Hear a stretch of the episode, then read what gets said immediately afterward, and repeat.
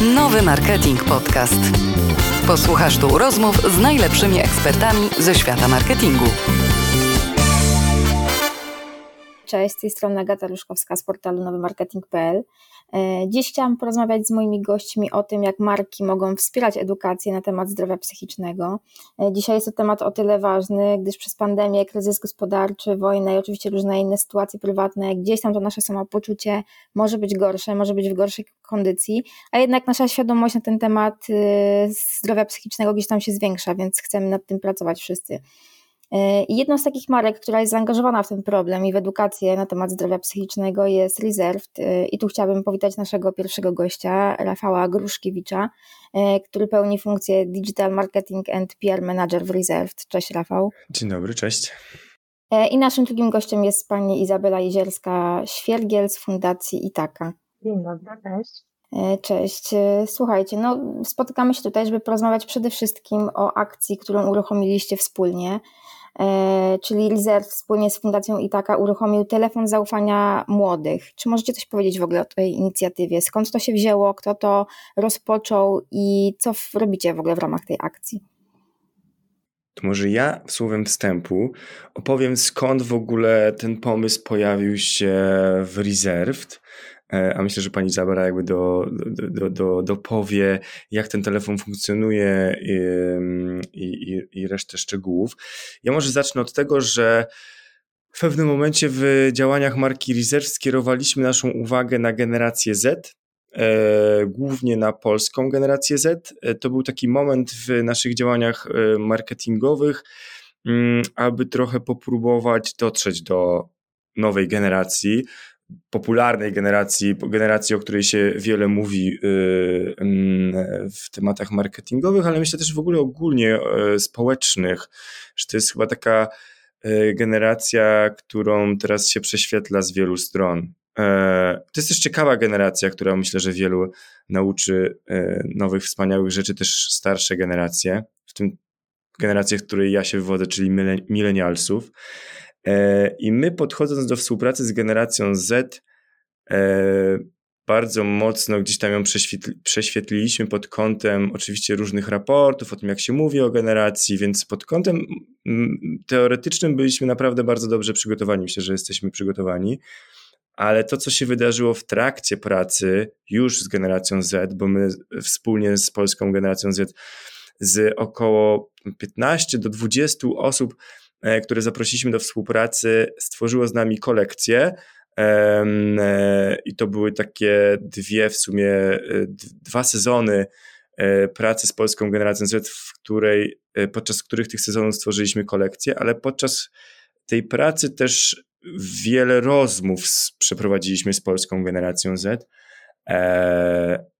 I sporo rzeczy pojawiło się takich nieplanowanych, w tym właśnie e, ta linia, którą uruchomiliśmy wspólnie z Fundacją e, Itaka. E, pomysł na nią pojawił się podczas rozmów z Polską, z przedstawicielami polskiej generacji Z. My podczas planowania kampanii marketingowej, tej kolekcji Redesign, kolekcji zaprojektowanej wspólnie z polską generacją Z, jedno z wielu pytań, które im zadaliśmy, to brzmiało, z czym się zmierzają, z czym się mierzą w dzisiejszych czasach jako młoda generacja. E, I to, co z jednej strony nas zaciekawiło, z drugiej strony sprawiło takie też dosyć duże poruszenie wśród osób, z którymi tutaj mam przyjemność pracować w marketingu, to była odpowiedź e, mówiąca o zdrowiu psychicznym.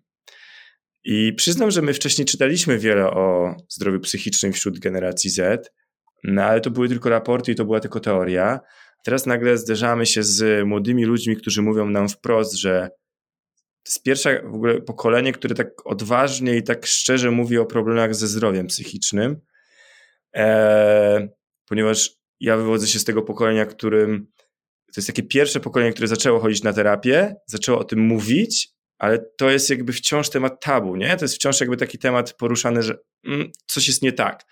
A to jest pierwsza generacja, która mówi odważnie: hej, mamy problem, zmagamy się z tym problemem i chcemy coś z tym problemem, chcemy coś z tym zrobić, jakby potrzebujemy pomocy. To myślę, że, że to była taka świadoma nasza odpowiedź na tę potrzebę tej generacji. Czyli zamiast zainwestować pieniądze w kolejną kampanię, e, stwierdziliśmy, że przeznaczymy ten budżet po prostu na zorganizowanie e, pomocy. Było to bardzo szybkie działanie, ponieważ ten temat pojawił się w kwietniu, my już w czerwcu uruchomiliśmy e, linię z Fundacją Itaka, e, więc to też myślę, że pokazuje, że to nie było pla planowane wcześniej wydarzenie, to było bardzo spontaniczne, ale też było to szybka odzew, szybki odzew na, na potrzebę e, tej generacji, tej, tej części społeczeństwa. I myślę, że to jest chyba też jakby ogromny, moim zdaniem, sukces tych działań, że, że po pierwsze nie było, wyszło to jakby, to był insight taki, który wyszedł po prostu z tej jakby z rozmów z generacją, a po drugie nie zastanawialiśmy się nad tym, co my tak naprawdę na tym zyskamy, nie? Jakby w sensie, jakby co z punktu marketingowego mogę na, możemy na tym, na, na, na tej akcji zyskać. Wręcz przeciwnie, bardzo mocno myśleliśmy o tej akcji, żeby ją odłączyć od działań marketingowych, żeby nikt nie, nie zarzucił nam grania pod publikę, grania na, na koszt e, firmy, na koszt kolejnej kampanii. E, nie chcieliśmy łączyć tego z kampanią marketingową, dlatego też odłączyliśmy te dwa tematy. Oddzielnie mówiliśmy o kampanii z Polską Generacją Z, a oddzielnie na początku czerwca 2021 roku uruchomiliśmy telefon zaufania młodych wspólnie z Fundacją Itaka. Mhm. Będę chciała jeszcze wrócić do tego wątku na pewno y, rozłączenia tych dwóch rzeczy, tej kampanii właśnie waszej y, powiedzmy związanej z ubraniami i właśnie tą akcją, ale jeszcze spytam właśnie panią Izabelę, y, czy i taka od razu jakby weszła w ten projekt, dlaczego wam się to spodobało i, i co przy tym robicie w ogóle? Tak, my zajmujemy się tematem zdrowia psychicznego od e, naprawdę wielu lat. Myślę, że spokojnie od 20. E, realizujemy taką kampanię Stop Depresji, mm, w ramach której e, prowadziliśmy już i prowadzimy nadal antydepresyjny telefon zaufania. I to jest linia dedykowana osobom, które mierzą się z depresją i, i ich rodzinom bo bardzo często osoby bliskie widzą, że jest problem, ale nie są w stanie, nie, nie, nie potrafią, nie wiedzą w jaki sposób skłonić e, osobę chorą do leczenia. Natomiast e, coraz więcej telefonów było od osób młodych i rzeczywiście um, to był taki moment, kiedy też zastanawialiśmy się, um, w jaki sposób um, rozłączyć e, te dwie grupy wiekowe, to znaczy, żeby młodzi ludzie mieli szansę dodzwonić się do nas, e, a przy takim obłożeniu, jakie e, od kilku lat ma antydepresyjny telefon zaufania, było to bardzo trudne. E, a po drugie, mm, na takiej linii muszą pracować specjaliści, którzy potrafią rozmawiać z młodymi dorosłymi, z nastolatkami, ale także z osobami powyżej 18 roku życia, które nie kwalifikują się tak naprawdę do rozmowy na liniach dla dzieci, bo są już dorośli, ale oni tak naprawdę jeszcze nie są dorośli. I to jest taka trochę cecha charakterystyczna tej generacji Z, że oni w wieku 18, 19, 20, 21 lat nie są jeszcze do końca osobami dorosłymi, w pełni ukształtowanymi. Oni się wielu rzeczy jeszcze uczą, te doświadczenia, z którymi się mierzą, są dla nich pierwsze, nowe, e, nie mają jeszcze swoich zasobów, narzędzi, żeby sobie w pewnych sytuacjach radzić. Mm, więc trudno jest też od nich oczekiwać, e, że poradzą sobie e, jak osoba 40 czy 50-letnia z pełnym bagażem doświadczeń.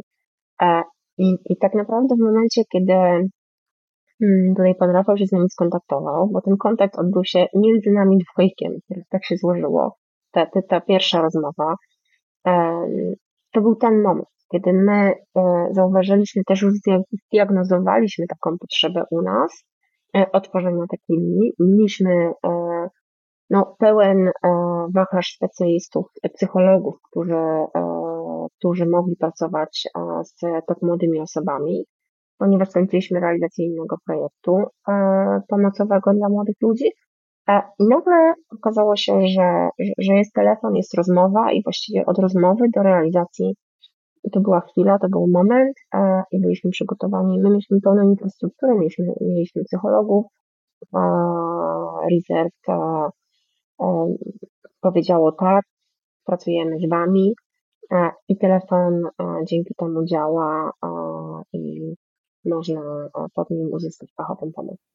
Czyli w Waszych szeregach jakby były już osoby, które mogły od razu usiąść po drugiej stronie e, słuchawki i jakby właśnie pomagać tym młodym ludziom. No, wszystkie nasze zespoły tak naprawdę opierają się na psychologach. My jesteśmy też realizator, realizatorem kampanii Nie Uciekaj, czyli tematów związanych z ucieczkami. E, jesteśmy operatorem telefonu w sprawie zaginionego dziecka i nastolatka, więc te rozmowy z nastolatkami były u nas codziennością, także z młodymi ludźmi. Ja też nie powiedziałam na początku o jednej ważnej rzeczy. My jesteśmy kojarzeni głównie z tematem zaginięć. Natomiast e, temat zaginięć i zaginięcia od wielu, wielu lat wiążą się nierozłącznie z depresją. E, I jedną z najczęstszych przyczyn zaginięć jest właśnie depresja. Więc te osoby, które z nami współpracują, no specjalizują się tak naprawdę w dosyć wąskiej tematyce zaginięć, ale jednocześnie są to psychologowie, którzy świetnie komunikują się, rozmawiają z, z młodymi ludźmi i, i z tymi osobami, które potrzebują pomocy. Okej, okay. a powiedzcie, jakie były efekty w ogóle tej akcji? Ile osób, nie wiem, dodzwoniło się e, na ten telefon, ile potrzebowało pomocy? E, w przeciągu um, tego pierwszego roku um, odnotowaliśmy 9321 połączeń. Ja sobie wynotowałam te dane przed naszą e, rozmową. Odbyło się 840 konsultacji, e, a poprzez czat skontaktowało się z nami ponad 3000 osób. To są bardzo, bardzo duże liczby. E, tak naprawdę jak na taką młodą linię, która została uruchomiona właściwie z dnia na dzień. I wypromowanie linii pomocowej to jest minimum pół roku, a generalnie zazwyczaj około roku. Tutaj w bardzo szybkim tempie ta linia zaczęła funkcjonować e, i bardzo szybko informacja o niej rozpowszechniła się wśród młodych osób, a to potrzebuje, e, a to pokazuje, jak bardzo takie linie są potrzebne i ile by ich nie było, one, te telefony zawsze są zajęte. No właśnie, no bo pamiętacie, jeszcze był taki mm, kilka miesięcy temu, głośno było o tym, że y, ten telefon zaufania, który gdzieś tam był dofinansowany przez państwo, gdzieś tam był zagrożony tym, że faktycznie miał nie działać przez brak tego dofinansowania. Czyli to pokazuje, że mało jest takich telefonów, tak? To w zasadzie był taki ten telefon zaufania ogólnopolski, to była jedyna taka inicjatywa e, szerzej znana. E, no i wciąż jest duże zapotrzebowanie na takie rzeczy, więc czy, czy uważacie, że jest potrzeba w ogóle organizowania więcej tego typu akcji? Czy ja mogę powiedzieć z mm. perspektywy, bo pewnie pani Izabela jakby ma większą wiedzę na ten temat. Ja myślę, że jest bardziej z perspektywy obserwacji, ale też w ogóle y, z tego, w jakiej też kondycji jest w ogóle całe społeczeństwo, nie? W sensie jakby, że, że jesteśmy świadkami w ogóle tak mocno zmieniającego się świata i tak bardzo jesteśmy do niego nieprzygotowani, do warunków, które, e, które nas otaczają i myślę, że ten moment wejścia, tak naprawdę zamknięcia starego świata przed COVID-em, i okres, w którym się znajdujemy, ciągłych turbulencji, ciągłych niepewności, e, tak szybkich, dynamicznych zmian, które myślę, że przed czasem COVID-u nie miały w ogóle e, miejsca w takiej, w takiej dynamice, no sprawiają, że myślę, że, że moim zdaniem też jakby z, z, z, wyciągam to z własnych obserwacji, ale tak też moja praca polega na obserwacji e, ludzi, społeczeństwa i tego, jakie mamy nastroje społeczne. E, to, to pokazuje, jak bardzo potrzebujemy pomocy jak e, po pierwsze, jak nie jesteśmy przygotowani na, na, na, świat, w którym się znajdujemy, po drugie, jak bardzo jej potrzebujemy, po trzecie, jak nie potrafimy o nią prosić i sięgać, e, ale też nie jesteśmy do tego przyzwyczajeni i to, o czym chcę, o czym mówiłem wcześniej, młoda generacja, generacja Z jest pierwszą generacją, która jakby mówi wprost, potrzebujemy pomocy i myślę, że mocno się zmienia, jakby widzę też zmiany, to co zrobiliśmy z Fundacją Itaka, zmiany świadomościowe, w firmie nawet, w której pracuję, że po utworzeniu e, tego telefonu w, w LPP uruchomiliśmy też pomoc psychologiczną globalnie dla całej, e, dla całej korporacji, dla wszystkich osób, które potrzebują, które zmagają się z problemami natury zdrowia psychicznego, które potrzebują pomocy w ciężkich sytuacjach, nie tylko zawodowych, ale też jakby rodzinnych, prywatnych. Nie? No, możemy anonimowo, anonimowo na taką linię zadzwonić. Czy też w momencie, w którym wybucha wojna w Ukrainie, my wspólnie z Fundacją Itaka podjęliśmy też decyzję, żeby uruchomić telefon w języku ukraińskim. Więc pomoc jest potrzebna. Myślę, że jakby tej pomocy wciąż jest za mało. Y, dlatego też zdecydowaliśmy się o przedłużeniu y, telefonu o kolejny rok. E, myślę, że też niebawem będziemy rozmawiać o, o tym, żeby przedłużyć go na kolejny rok. No jakby te, te, te tematy są ważne, są potrzebne. Myślę, że nigdy nie było wcześniej takiej autoświadomości, w ogóle takiej świadomości z nas wszystkich, że potrzebujemy pomocy i że sami sobie nie dajemy ze światem rady, ze światem, w którym się znajdujemy. I to jest, to jest też taki w ogóle też z jednej strony przełomowy, z drugiej strony też piękny moment, że to się zmienia, że zdrowie psychiczne nie jest już tematem tabu, a mówimy o tym, rozmawiamy sobie teraz o tym temacie, edukujemy go. E, wiele osób przyznaje się publicznie do, e, do zmagania się z takim ciężkim, ciężką chorobą, jaką jest depresja, i że nie jest to już marginalizowany problem, a jednak problem, który trochę wchodzi w ten element, że tak powiem, go komercyjny, mainstreamowy, e, i że jesteśmy coraz bardziej odważni, żeby na ten tematy się publicznie wypowiadać. Ja uważam, że to jest, e, że, że dokładnie jest tak, jak e, tutaj pan Rafał mówi. To znaczy, to co ja obserwuję, a jestem matką 16-letniego syna, za chwilę 17-letniego, e, to jest tak, że w tej chwili młodzi ludzie, oni nawet sami siebie diagnozują. W grupie rówieśniczej potrafią wskazać osobę, zaproponować przyjacielowi, przyjaciółce, E, pomoc w postaci wizyty u psychologa. Ja niedawno byłam świadkiem, e, kiedy grupa właśnie przyjaźniona tutaj z, z, z obszaru, z życia mojego, mojego syna, e, grupa znajomych przyjaciół bardzo walczyła o to, żeby osoba z tej grupy korzystała z pomocy psychologa szkolnego albo zadzwoniła na infolinię. Dlaczego? Dlatego, że rodzice nie zgadzali się na wizytę u psychologa.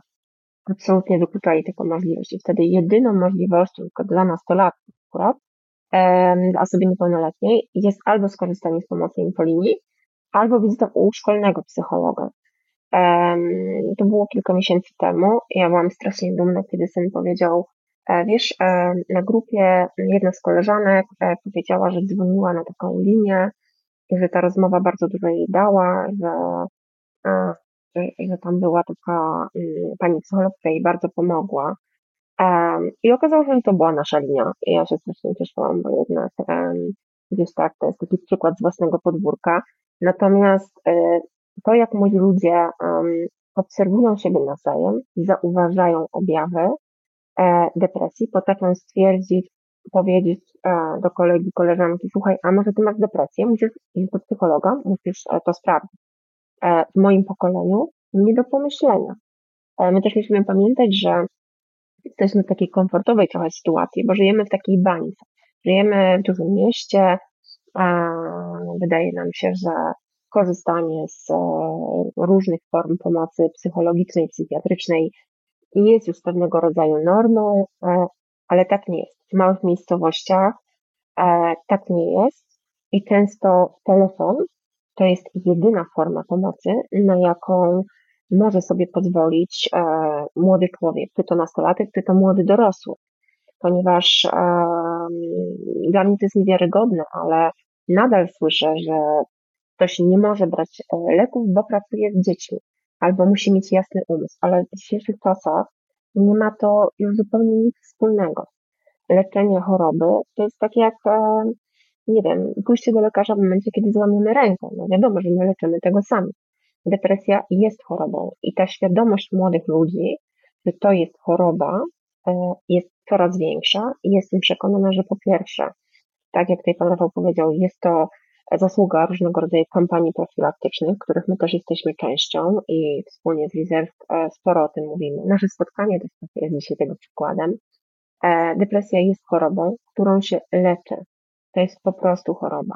Więc ja się cieszę, że, że, e, że nasze drogi gdzieś w pewnym momencie się spotkały, bo razem możemy zrobić dużo dobrego. No właśnie, jedna rzecz to jest to, że świat się zmienia, zmieniają się problemy młodych ludzi, ale druga też jest taka, że czy nasze państwo jakby dokłada wszelkich starań, żeby faktycznie y, minimalizować to cierpienie młodych ludzi i im pomagać w tych kłopotach psychicznych?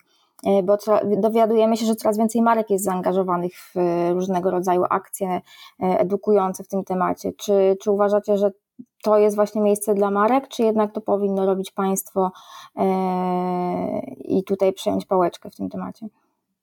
Jeżeli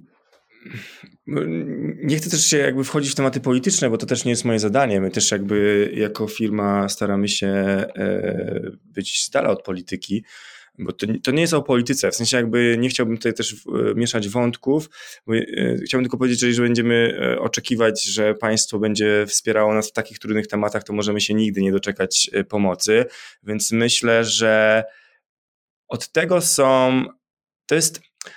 To jest tak trochę jakby nie wiem, czy to będzie dobre porównanie, ale to jest tak, jak kiedyś było ze sztuką. Byli mecenasi, y, duże firmy były tak zwanymi mecenasami sztuki. Wydaje mi się, że jakby ze zdrowiem psychicznym powinno być dokładnie tak samo teraz, że duże marki powinny inwestować w pomoc e, z, e, e, na obszarze zdrowia psychicznego. W sensie jest to jakimś takim, moim zdaniem jest to misja też wielkich koncernów, żeby ten marketing empatyczny był e, stałym elementem działań marketingowych. Że marketing w dzisiejszych czasach to nie jest tylko i wyłącznie kreowanie świata marki poprzez piękne obrazki i piękne filmy, ale to też jest e, działanie e, na obszarze właśnie tego marketingu empatycznego, czyli wykorzystywanie tak naprawdę relacji, które budujemy, funduszy, które posiadamy w niekomercyjnym wymiarze.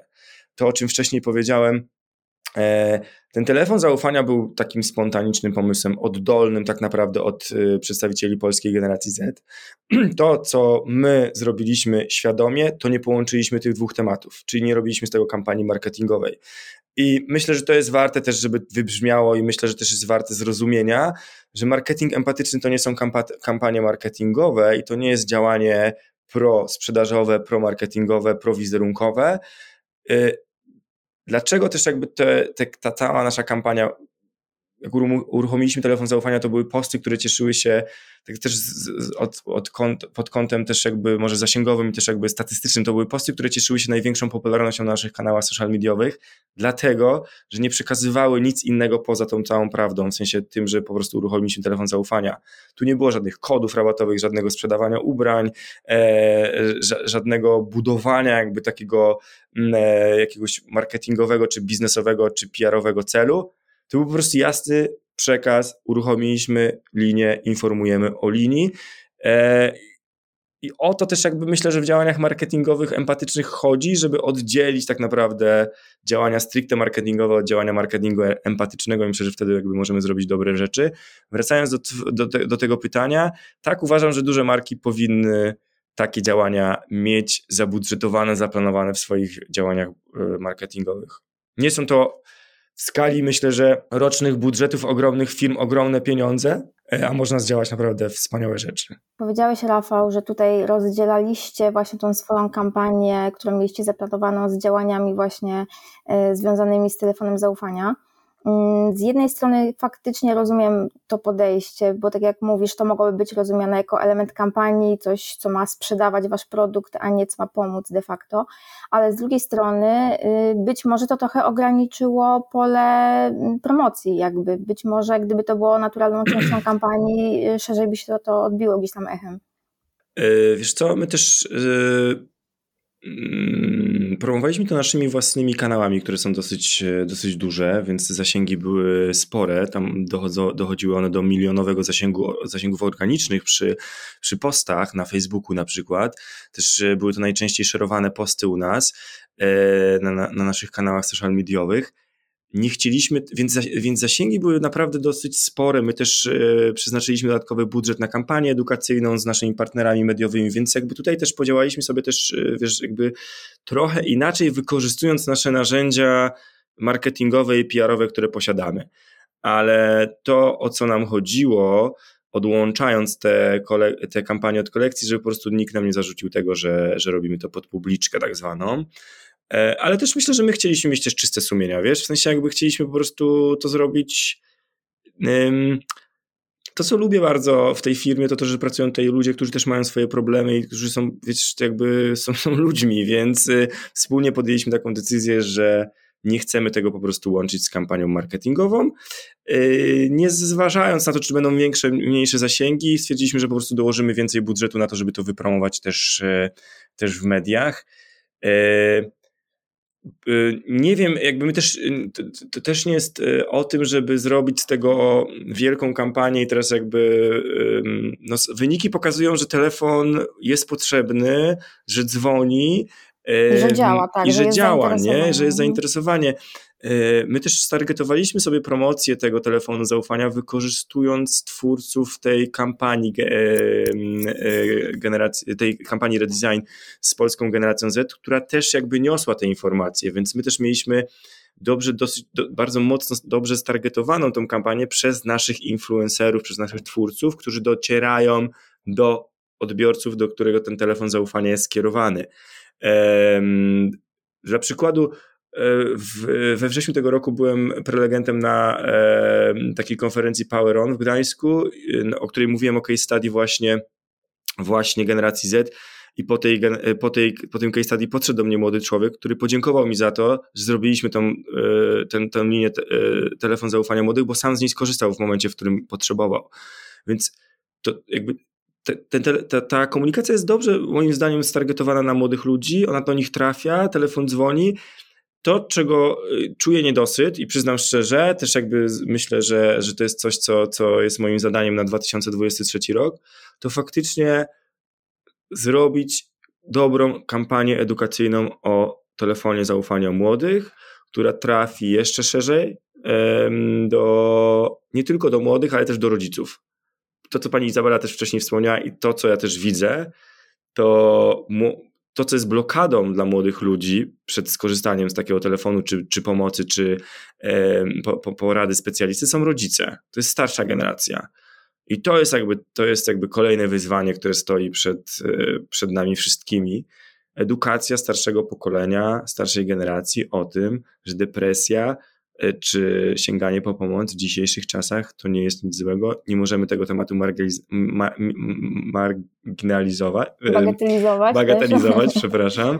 E, bo, bo naprawdę doprowadzimy do, do, do bardzo nieprzyjemnych rzeczy, nieprzyjemnych sytuacji. W sensie, jeżeli to będzie narastać, jeżeli ta frustracja, która z nas, która, te, ta frustracja spowodowana też brakiem pomocy, ale też przeszkodami, które, które, które nam są rzucane przez starsze generacje, czy, czy, czy wypowiedzi, no, odnoszę się, musimy się odnieść do, do polityki, ale jakby w, w, w świat, w którym żyjemy, jakby politycy, czy w ogóle jakby dorośli ludzie nam nie pomagają w tym, w zwalczaniu i w edukowaniu e, problemu e, zdrowia psychicznego. Jest to bagatelizowane, jest to wyśmiewane, jest to dla mnie nie do przyjęcia i bardzo przykre, że takie rzeczy się dzieją, więc cieszę się, że możemy wspólnie z Fundacją Itaka dołożyć małą cegiełkę i, i pomagać młodym ludziom w ich problemach. Mhm. Właśnie wspominasz tutaj o rodzicach e, i tutaj też mam pytanie do Pani Izabeli w takim razie. Czy były takie przypadki, że nawet na ten telefon, który jest jakby skierowany do młodych ludzi, ale czy na przykład dzwonili też rodzice, którzy na przykład nie wiedzieli, jak sobie poradzić z dzieckiem? No tak, to się często zdarza e, rzeczywiście, że rodzice korzystają z takich linii i dzwonią również na telefon zaufania młodych, pytają o to, um, czy to już jest depresja, czy e, te, ten młody człowiek a, może chorować na depresję, a, e, czy może jeszcze jest za młody, może to jeszcze jest burza hormonów, może mu przejdzie. Um, i, I rzeczywiście rodzice szukają pomocy, pytają też o wizyty u psychiatrów na przykład. I wcale nie dotyczy to tylko osób poniżej 18 roku życia, gdzie rzeczywiście na przykład na sesje online'owe, które tutaj w ramach telefonu zaufania młodych również prowadzimy, wymagana jest zgoda rodzica. E, dotyczy to także um, osób dorosłych, które e, skończyły już 18 lat, a rodzice chcą wiedzieć, czy, um, czy na przykład jeśli syn, córka pójdzie do psychiatry, E, czy leki będą dla nich bezpieczne, tak?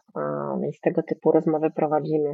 Ja sama niestety um, ostatnio miałam taką rozmowę um, zupełnie przypadkiem, ponieważ ja absolutnie nie dyżuruję przy tym telefonie, nie jestem psychologiem, ale pan zadzwonił, um, zadzwonił troszkę w innej sprawie, um, natomiast um, był w bardzo takiej trudnej sytuacji i zaczął rozmowę od tego, że, e, że jest ojcem syna 18-latka, e, którego e, dzień później odbywał się pogrzeb, po prostu popełnił samobójstwo. Dla mnie takie rozmowy są zawsze trudne. On chciał, żeby, żeby zostało zamiast kwiatów udzielone wsparcie fundacji, wsparcie finansowe, żeby osoby biorące udział w tej uroczystości finansowo wsparły organizację mm, wybraną przez, przez rodziców, bo oni czuli potrzebę, żeby zrobić cokolwiek, już nawet po fakcie. Ja całe popołudnie potem myślałam o tej rozmowie i zawsze wtedy sobie myślę o tym, że nie uratujemy całego świata, ale jeśli mamy możliwość uratować choć jedną osobę poprzez taką rozmowę przy telefonie zaufania młodych, no to tak jakbyśmy uratowali cały świat. Po prostu to, to jest jeden do jednego, więc no zabrakło gdzieś w tym momencie kogoś, kto temu chłopakowi poda rękę i powie, wiesz, bo, bo możesz na nas liczyć, bo możesz zadzwonić, bo możesz skorzystać z pomocy na miejscu, pomożemy Ci ją znaleźć. E, I my działamy w ten sposób. I te interwencje u nas na linii również się zdarzają. Czyli zdarzają się rozmowy z osobami w tak głębokim kryzysie, w tak trudnej sytuacji, że trzeba wezwać e, policję. I te interwencje rzadko na szczęście, ale mają miejsce. Więc no, czujemy się potrzebni. I w takich momentach zawsze sobie myślę o tym, że, że no, nie udało się, tak? Może nie udało dotrzeć, e, nie udało się dotrzeć z informacją na czas, ale do kolejnych, jak już mówiłam, kilku tysięcy, kilkunastu tysięcy osób udało się z tą informacją dotrzeć. I wśród tych osób może były osoby, które e, właśnie dzięki takiej rozmowie, czy dzięki takim sesjom E, dotrwały do rozmowy z psychologiem, bo jak wiemy, trudno o taką wizytę w ramach NFZ-u, więc no naprawdę czujemy się potrzebni i cieszymy się, że e, e, mamy takie silne wsparcie ze strony marki Reserve i że możemy działać. Czy to jest właśnie Wasza jedyna taka realizacja, która by się wpisywała w ten marketing empatyczny, czy macie jeszcze jakiś przykład podobnych działań? E, wiesz, yy, nie, mamy. W ogóle jakby marketing empatyczny jest takim, to jest coś, co udało mi się tutaj uruchomić w Reserved yy, i to jest takie moje oczko w głowie jest, i działam sobie przy tym i przepuszczam różne pomysły. E, drugim takim elementem jest nasza grupa na Facebooku dla każdej z nas. To jest grupa e, ekspertek dedykowana kobietom, zamknięta prywatna grupa, na której mamy mnóstwo wspaniałych ekspertek, między innymi Martę, Niedźwie Martę Niedźwiecką, gdzie też w tym miesiącu mówimy o, o w ogóle o depresji, o chorobie, depresji, o, o, o um, edukujemy o depresji, o, o tym problemie. E, ale też, to chyba w sumie mogę już zdradzić, w połowie listopada ruszamy z kolejnym projektem wspólnie z e, Joasią Okuniewską. Przetłumaczyliśmy wszystkie 55 odcinków Asi Okuniewskiej na język migowy. E, I to jest coś, co jest kolejnym takim wspaniałą rzeczą, z której jestem bardzo dumny, że to zrobiliśmy. Na YouTubie Asi Okuniewskiej wszystkie odcinki będą migane,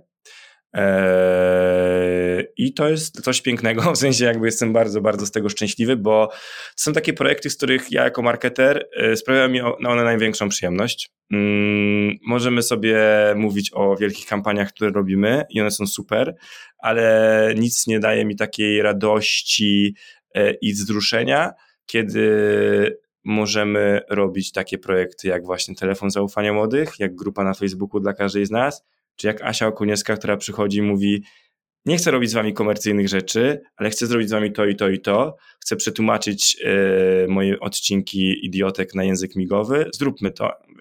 I wtedy ja nie mam pytań w ogóle i mówię, ok, robimy to. W sensie jakby ja znajdę na to pieniądze. E, I działamy.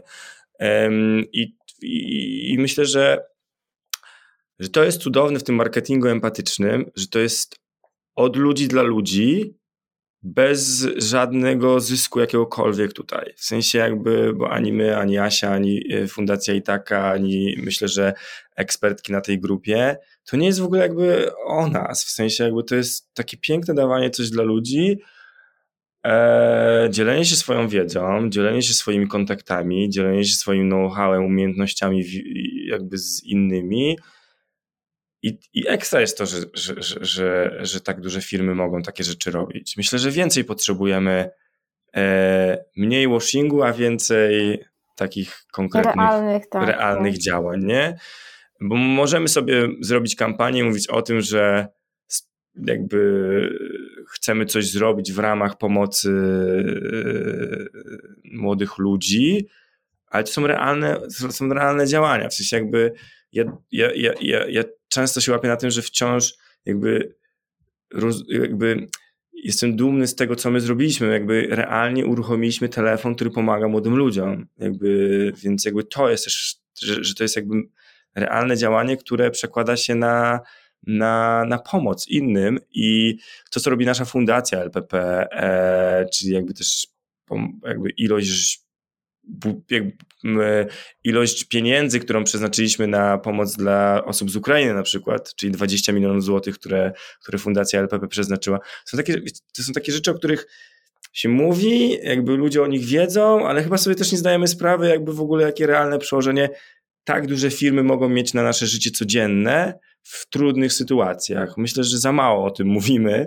Dużo mówimy, dużo czasu poświęcamy na te złe rzeczy, które też są jakby ważne. Oczywiście, jakby to też są ważne zmiany i po to tutaj my jesteśmy, czyli młodzi ludzie, żeby zmieniać rzeczy w korporacjach, ale też za mało mówimy, myślę, o tych rzeczach, które korporacje już robią.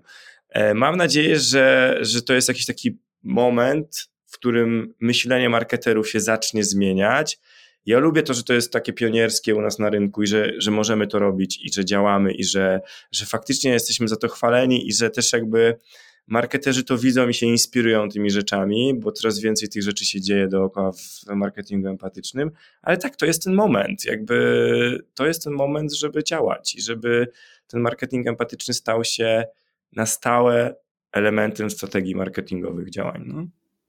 W sumie masz rację, tak jakby teraz zabrakło tych wszystkich działań, yy, które wynikają z inicjatywy marek, to faktycznie to by było odczuwalne i Byłoby byśmy tak. zauważyli, tak. że tu są braki, tu są w tych dziedzinach i zdrowia psychicznego i w ogóle jakiejś tam edukacji, na przykład tak, seksualnej tak, też, czegokolwiek. Tak, tak. To, to, to, dokładnie to, co, bo to są, to są nie tylko, jakby, bo to są ogromny zakres działań zdrowie psychiczne, e, e, to, są, to jest edukacja seksualna, to jest edukacja mniejszości psychoseksualnych, to jest w ogóle o mniejszościach, nie? Jakby w sensie e, jak idiotki są na przykład takim naszym elementem, strategii włączania mniejszości w, w widoczność e, ze strony marki Reserved. My w maju tego roku podpisaliśmy jako LPP strategię włączania mniejszości w nasze, w nasze działania marketingowe i to jest jeden z takich elementów i cieszę się, że to się zaczyna dziać i faktycznie jakbyśmy teraz sobie zmapowali te wszystkie działania wielkich firm, które jakby wyłączyli je, naprawdę mielibyśmy spory, jakby jesteśmy w czasach, w których nie możemy za bardzo liczyć na, na pomoc państwa w tych, w tych obszarach. Tak. No ja jestem nie? cały czas zdania, że gdzieś tam są braki, które gdzieś tam powinny być uzupełniane właśnie od instytucji publicznych, ale no, tak jak mówisz, na razie nie zanosi się. Nie ma co, jakby, co na to tak. liczyć, więc, więc myślę, że, e, że ludzie, którzy są w tych dużych firmach, mają realne przełożenie na to, żeby robić dobre rzeczy. Spotykamy się z osobami na wyższych stanowiskach, rozmawiamy z nimi, edukujemy ich też w tym zakresie, podejmujemy pewne decyzje i to są decyzje, których się trzymamy i powielamy i, są, i jesteśmy w nich konsekwentni. Więc warto to robić, bo to też inspiruje innych do robienia takich dobrych rzeczy, a w skali wielkich budżetów nie są to duże pieniądze, a mają realnie przełożenie na pomoc naszym potencjalnym klientom też, więc to też jest, e, to też jest, e, to też jest myślę, że ważne, więc, więc można i nie kosztuje to zbyt wiele. Mówię też o wysiłku, który trzeba w to włożyć. Nie, nie, nie skupiam się już na, na, na aspekcie finansowym, ale też na wysiłku. bo po dwóch stronach spotykają się ludzie, którzy chcą zrobić dobrą rzecz. A, jeżeli, a to jest w ogóle najfajniejsze wtedy, bo wtedy się naprawdę robi wow rzeczy ogromne. Dokładnie. E, tak teraz mi przyszło do głowy, ale pewnie nie robiliście takich statystyk. Ile na przykład osób dzwoniło na telefon w związku z problemami związanymi z orientacją seksualną na przykład? Czy, czy dzieliliście na przykład te problemy jakkolwiek, które, z którymi dzwonili młodzi ludzie, czy nie? Czy to jest w ogóle po prostu... Nie, w tej linii, w tej linii nie prowadziliśmy takich statystyk, prowadziliśmy, zdarzało nam się prowadzić linię, gdzie um, różnego rodzaju statystyki były potrzebne. Natomiast tutaj cała jakby intensywność e, działań jednak idzie w tą pomoc, taką realną tu i teraz, mhm. więc nie prowadzimy żadnych tutaj badań na tej linii. Linia jest w ogóle w pełni anonimowa, nie, w żaden sposób informacje nie, nie są rejestrowane, nie trafiają nigdzie. E, natomiast oczywiście, że nasi psychologowie mówią o tym, z tym najczęściej dzwonią młodzi ludzie. Mm, I, i te problemy są takie problemy, które się powtarzają, to są tematy związane z tym przystosowaniem społecznym, z tym, co dzieje się dookoła. E, natomiast ja chciałam wrócić do tego, mm, o co Pani pytała w kontekście e, tego, tej pomocy państwa Musimy też pamiętać o tym, że od tego są też NGOsy. Od tego, żeby uzupełniać działania instytucji państwowych tam, gdzie są deficyty. I od tego jesteśmy, jesteśmy my, od tego, od tego jest Fundacja Itata, od tego są inne organizacje, żeby właśnie tą przestrzeń, um, um, której państwo jest czasem niewydolne, czasem z różnych powodów nie, nie zaopiekowuje we właściwy sposób tego, tego tych osób, żebyśmy my e, mogli działać. Rzeczywiście mamy tutaj silne przekonanie o tym, że to, co miałam wcześniej, że jesteśmy potrzebni. I oczywiście chcielibyśmy być mniej potrzebni e, w idealnym świecie, gdzie e, byłoby mniej problemów, byłoby mniej sytuacji związanych e, z zagrożeniami dla zdrowia psychicznego e, i mniej osób potrzebowałoby naszej pomocy. Mm, niestety widzimy, że jest dokładnie odwrotnie. Myślę, że jaki ten system państwowy by nie był, i tak nie dałby rady, e, bo to są ogromne liczby i depresja akurat staje się jedną z takich głównych, głównych chorób cywilizacyjnych tak, myślę, że to jest w ogóle.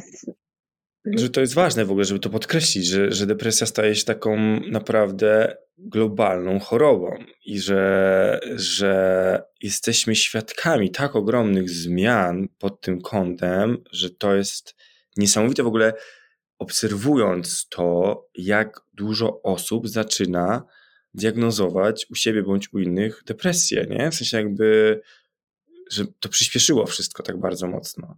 I, i, I uważam, że nie powinniśmy w ogóle w żaden sposób tego tematu bagatelizować. Cieszę się, że o tym rozmawiamy, że wznosimy to w ogóle na taki komercyjny aspekt. I państwo nam nie pomaga, wręcz przeszkadza w, tych, w, tych, w tym temacie, bo też nakręca e, do tego, że ludzie niestety sobie nie radzą w dzisiejszych czasach z, tą, z, z, z funkcjonowaniem takim. No, temat rzeka to jest ogólnie, tak temat rzeka. E, słuchajcie, tak podsumowując już, e, jakie będą kolejne kroki w związku z rozwojem tego telefonu zaufania dla młodych? E, tak jak wspomnieliście, chcielibyście to poszerzyć właśnie też o infolinię dla rodzin, rodziców, dla opiekunów tych dzieciaków, które mają problemy. Jak to będzie dalej wyglądało? nie mamy na razie jakby, jako my tutaj jakby mówię z perspektywy marki jeszcze planów mhm. na 2023, my też jakby sobie o tym rozmawiamy wewnętrznie, na pewno też jakby będziemy wracać do, do fundacji taka, żeby sobie jakby podsumować te działania. Yy, bardziej mów, yy, to, o czym mówiłem wcześniej o dorosłych, bardziej o edukowaniu dorosłych też i trafianiu do dorosłych z tym, że ta pomoc dla młodych jest potrzebna, E, i, i żeby też jakby edukować starsze pokolenie, że temat depresji to nie jest coś, co, z czym można sobie po prostu poradzić samemu, e, z czym, e, czy, czy wręcz ignorować, czy wypierać. Bardzo często argumentem dorosłych jest po prostu ignorowanie tego problemu, tego tematu i też jakby wypieranie, też jakby no to jest jeszcze emocji w ogóle, których nas nie uczono nigdy, e, więc jesteśmy też jakby społeczeństwem, które na nowo tego wszystkiego się uczy i gdzieś tam, więc, więc ta edukacja myślę, że jest ważna. Myślę, że też jakby rola dużych firm też jest tutaj potrzebna, aby, aby włączać się w ten aspekt edukacyjny klientów e, i, i, i też tych klientów dorosłych. Chcielibyśmy kontynuować te działania. Myślę, że będziemy podejmować rozmowy w 2023 roku, aby, aby kontynuować te działania. Na jakim etapie, to też myślę, że wspólnie się spotkamy, będziemy rozmawiać, ale, ale to też jest. No, to, to też była taka decyzja w 2022 roku, że, że po prostu przedłużamy ten telefon zaufania młodych, kontynuujemy działania z wspólnotem i taka, e, bo to zapotrzebowanie wciąż jest i myślę, że przez wiele, wiele kolejnych lat będzie. Czyli rozumiem, że i taka y, wchodzi w dalsze prace i jest gotowa na y, rozszerzenie tych działań. W pierwszym roku, nawet niecałym roku funkcjonowania telefonu zaufania młodych, chyba w kwietniu, na początku kwietnia zeszłego roku, zadzwoniłam do pana Rafała z zapytaniem, co dalej. Dlatego, że ten telefon już działał pełną parą. Wypromowanie go, oczywiście poinformowanie o tym, że, że jest dostępny, że, że, że jest tam pomoc. E, zajęło nam, e, myślę tutaj i o fundacji, i o, i o rezerw sporo czasu. I, i, I kosztowało sporo też energii. I w momencie, kiedy on już zaczął działać pełną parą, kiedy pomyślałam sobie, że przed nami jeszcze tylko dwa miesiące, no, zrobiło mi się bardzo przykro, smutno, E, bo, bo już wcześniej, jakiś czas temu, zamykałam jedną taką linię i kosztowało mnie to naprawdę dużo emocji.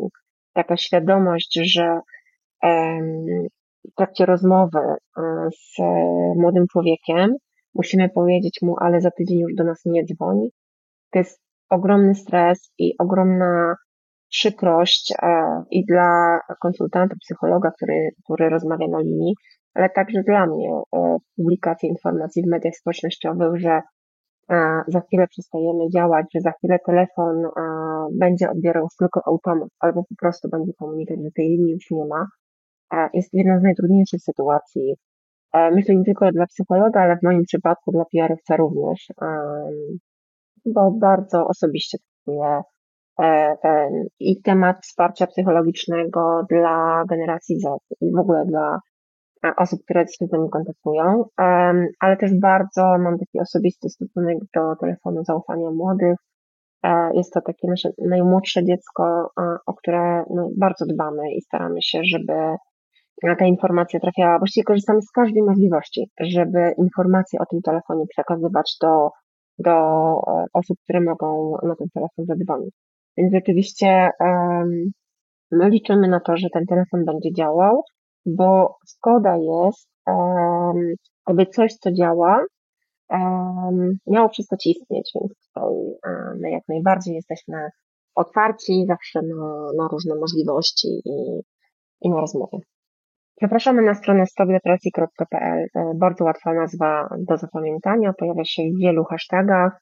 E, bardzo często to hasło towarzyszy nam w życiu codziennym, więc stopdepresji.pl i tam są wszystkie informacje na temat telefonu zaufania młodych pod numerem 22 kierunkowym 484 8804. Od poniedziałku do piątku są psychologowie w godzinach 12-20 można dzwonić, e, można zapisywać się na sesje online'owe, także zapraszam po szczegóły na stronę lub po prostu zachęcam do wzięcia telefonu do ręki i numer. No to dziękuję Wam bardzo w takim razie. Odsyłamy na stronę i do kontaktowania się oczywiście w, ramach, w razie potrzeby, rzecz jasna, z telefonem zaufania. E, I trzymamy kciuki za kolejne tego typu projekty, bo tak jak mówiliśmy, są potrzebne, są ważne i, i zawsze e, zachęcamy marki, żeby gdzieś tam się włączały w takie inicjatywy. Także dziękuję i do usłyszenia. Dzięki, do usłyszenia. Przesłuchaj pozostałych odcinków Nowy Marketing Podcast na Spotify, YouTube, Apple Podcast i Google Podcast.